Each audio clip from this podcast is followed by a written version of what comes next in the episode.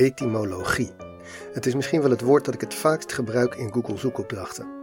Dan denk ik, waar komt dat woord of die uitdrukking eigenlijk vandaan?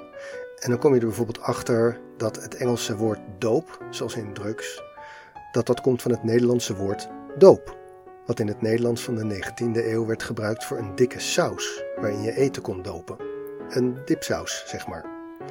Waarvan het typisch nogal onduidelijk was wat voor ingrediënten erin zaten. En later, aan het eind van de 19e eeuw, toen er veel opium werd gebruikt, ging dat meestal in de vorm van laudanum, een soort dikke donkere vloeistof. En dat leek dus een beetje op doop, vandaar. Maar daar gaat deze aflevering niet over. Het gaat over een ander onderwerp waar ik tegenaan liep tijdens een etymologische zoektocht. Hier is Nooit Geweten, aflevering 40.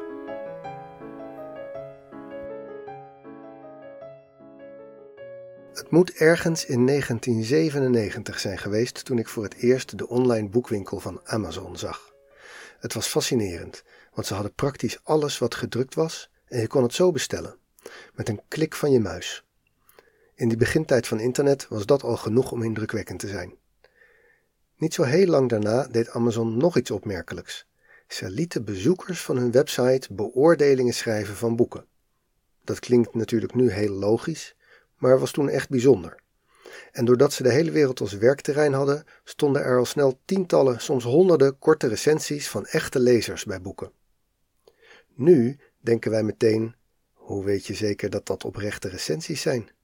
Maar in die tijd was internet nog een vrolijke, amateuristische, goed bedoelde omgeving. Er zal vast wel eens een schrijver aan zijn moeder vragen om een positieve review te schrijven, maar de meeste zullen toch wel echt zijn. Toch? Nu is dat een lachwekkende gedachte. Sindsdien hebben we kennis gemaakt met termen zoals trolling en astroturfing. En daar gaat deze aflevering over. Trolling en astroturfing zijn min of meer het tegenovergestelde van elkaar.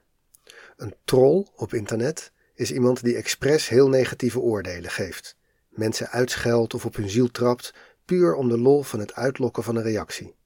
Althans, vroeger was het puur voor de lol. Tegenwoordig gebeurt het ook professioneler, maar daarover later meer. Een typische trollenreview zou zijn: De ontdekking van de hemel. Wat een flutboek. Kwam geen enkele originele gedachte in voor. Geld terug, nu. Op zich wel duidelijk waar die naam vandaan komt. Trollen zijn in de Noorse mythologie immers lompe, vrede kwelgeesten. Dan astroturfing. Astroturf is een merk kunstgras dat in de Verenigde Staten voor sportvelden wordt gebruikt. Het is zo'n bekend merk dat het een soort synoniem voor kunstgras is geworden. Astroturfing is dan weer een soort woordspeling op de Amerikaanse uitdrukking grassroots voor processen van onderaf. Bijvoorbeeld bij politieke campagnes die vanuit de bevolking ontstaan, niet vanuit bestuurders en politici. Astroturfing is dus nep grassroots. Het is eigenlijk die schrijver die zijn moeder een positieve recensie laat schrijven. Dus een astroturf recensie zou zo klinken. Microsoft Excel macro's in drie stappen is het beste wat ik de afgelopen tien jaar heb gelezen. Een echte page-turner waarvan de plotwendingen je iedere keer overvallen en de ontknoping je nog lang bijblijft. Sinds de jaren 90 is er een heel vakgebied ontstaan rond het verzamelen van gebruikersbeoordelingen, maar met uitsluiting van de trollen en de astroturfers. Soms is dat makkelijk, bijvoorbeeld door alleen klanten die het product echt bij je hebben gekocht een review te laten schrijven. Maar voor andere soorten beoordelingen is het bijna niet te doen, ook omdat de astroturfers snel professioneler werden. Niet meer de moeder van de schrijver, maar bureaus met werknemers die fulltime laaiend enthousiaste gebruikerservaringen zaten te schrijven. Een van de moeilijkste plekken om ze te weren is het publieke debat. Op sociale media zijn heel wat trollen actief, die ieder voorstel en iedere mening lopen af te branden. En daar zie je ook trolling en astroturfing bij elkaar komen. Want trollen gebeurt al lang niet meer voor de lol. Er worden bewust en gecoördineerd uitscheldcampagnes op touw gezet.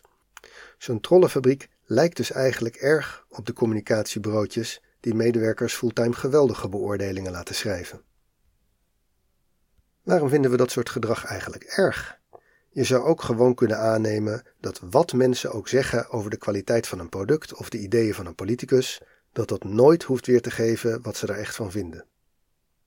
Maar als je daarvan uitgaat, ondergraaft dat een van onze belangrijkste manieren om keuzes te maken in het leven namelijk social proof, waarvoor ik jammer genoeg geen goed Nederlands woord weet. Bij het maken van keuzes over zaken waar we niet echt verstand van hebben, juist als het wel een belangrijke beslissing lijkt, dan kijken we graag wat anderen doen en zeggen. Het is niet hetzelfde als groepsdruk of sociale normen. Bij social proof gaat het erom dat je echt inschat dat die anderen er meer kijk op hebben dan jijzelf, meer ervaring hebben, meer energie in het uitzoeken hebben gestoken. En dan liefst anderen die je kent en die een beetje op je lijken. En dan is het natuurlijk heel frustrerend als die anderen expres onwaarheden lopen te verkondigen. Maar heel nieuw is het niet. Zo voelt het voor mij wel. Alsof het de zwarte kant van internet is. De anonimiteit. Die maakt het mogelijk dat mensen zo schaamteloos liegen en mij daardoor op het verkeerde been zetten. Maar is eigenlijk niet bijna alle reclame net zoiets? Met getuigenissen over hoe schoon de vaat wordt en hoe wit de was? Soms door bekende acteurs, zodat het lijkt of het een bekende van je is die het zegt? Onder comedyprogramma's wordt vaak een lachband gezet. Niemand houdt daarvan.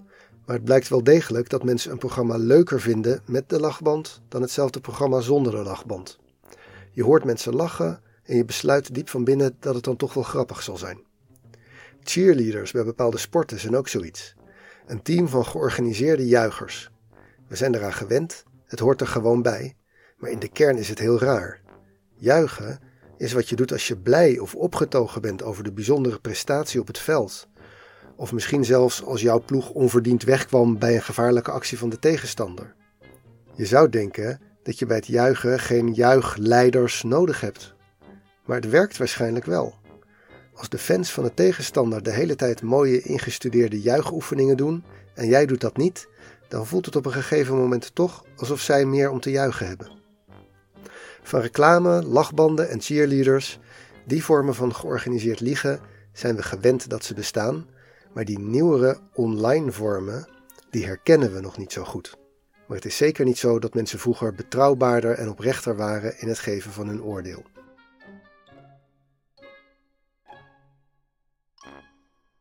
En daarmee kom ik eindelijk op het echte onderwerp van deze aflevering: de klak. In de 19e eeuw was de klak in de Parijse theaterwereld en tot ver daarbuiten een begrip.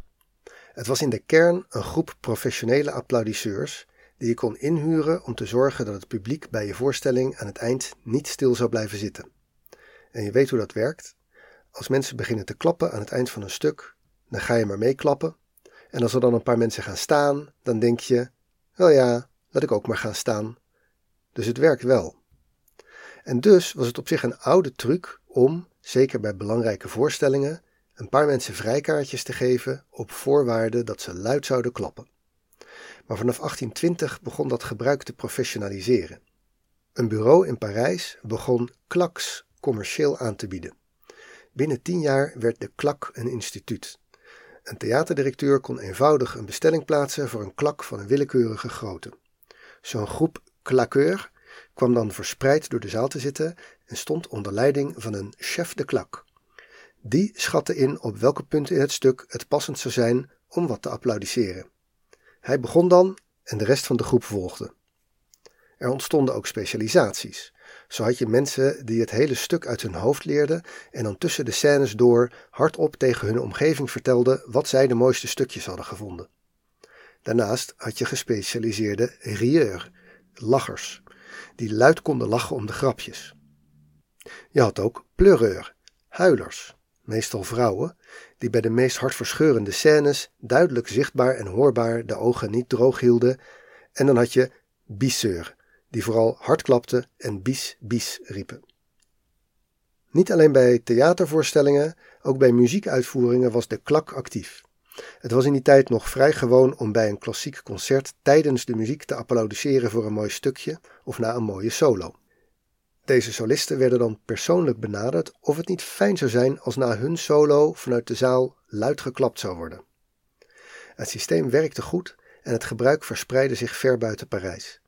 Met name La Scala in Milaan en Covent Garden in Londen stonden erom bekend. Vaak kantelde het ook van een dienst waarmee je je kon verzekeren tegen een ongemakkelijke stille zaal naar een vorm van afpersing. Als je dan weigerde om de diensten van een klak te gebruiken, dan konden ze wel eens langskomen om hard boe te roepen. Dit systeem heeft bestaan tot ruim in de 20ste eeuw. En het schijnt dat in het Bolshoi Theater in Moskou nog steeds professionals het applaus inzetten. Vooral omdat de nieuwe Russische elite weinig idee heeft van hoe het hoort bij ballet en wanneer je moet gaan klappen. Is dat nou erg? Dat het applaus niet van iedereen een oprecht oordeel over de kwaliteit van de voorstelling is? Ja, misschien. Misschien ook niet. Hoe dan ook, de volgende keer dat je wel erg enthousiaste reviews ziet, moet je maar denken: ach, astroturfing, het is van alle tijden. Dit was aflevering 40 van Nooit Geweten. De oplossing van de fotopuzzel was de pagina Klak op de Engelstalige Wikipedia. Nooit Geweten wordt gemaakt door mijzelf, Teun Duinstee, en is een hommage aan Wikipedia. Alle informatie die je hebt gehoord komt daar vandaan en soms van bronnen waarnaar Wikipedia linkt.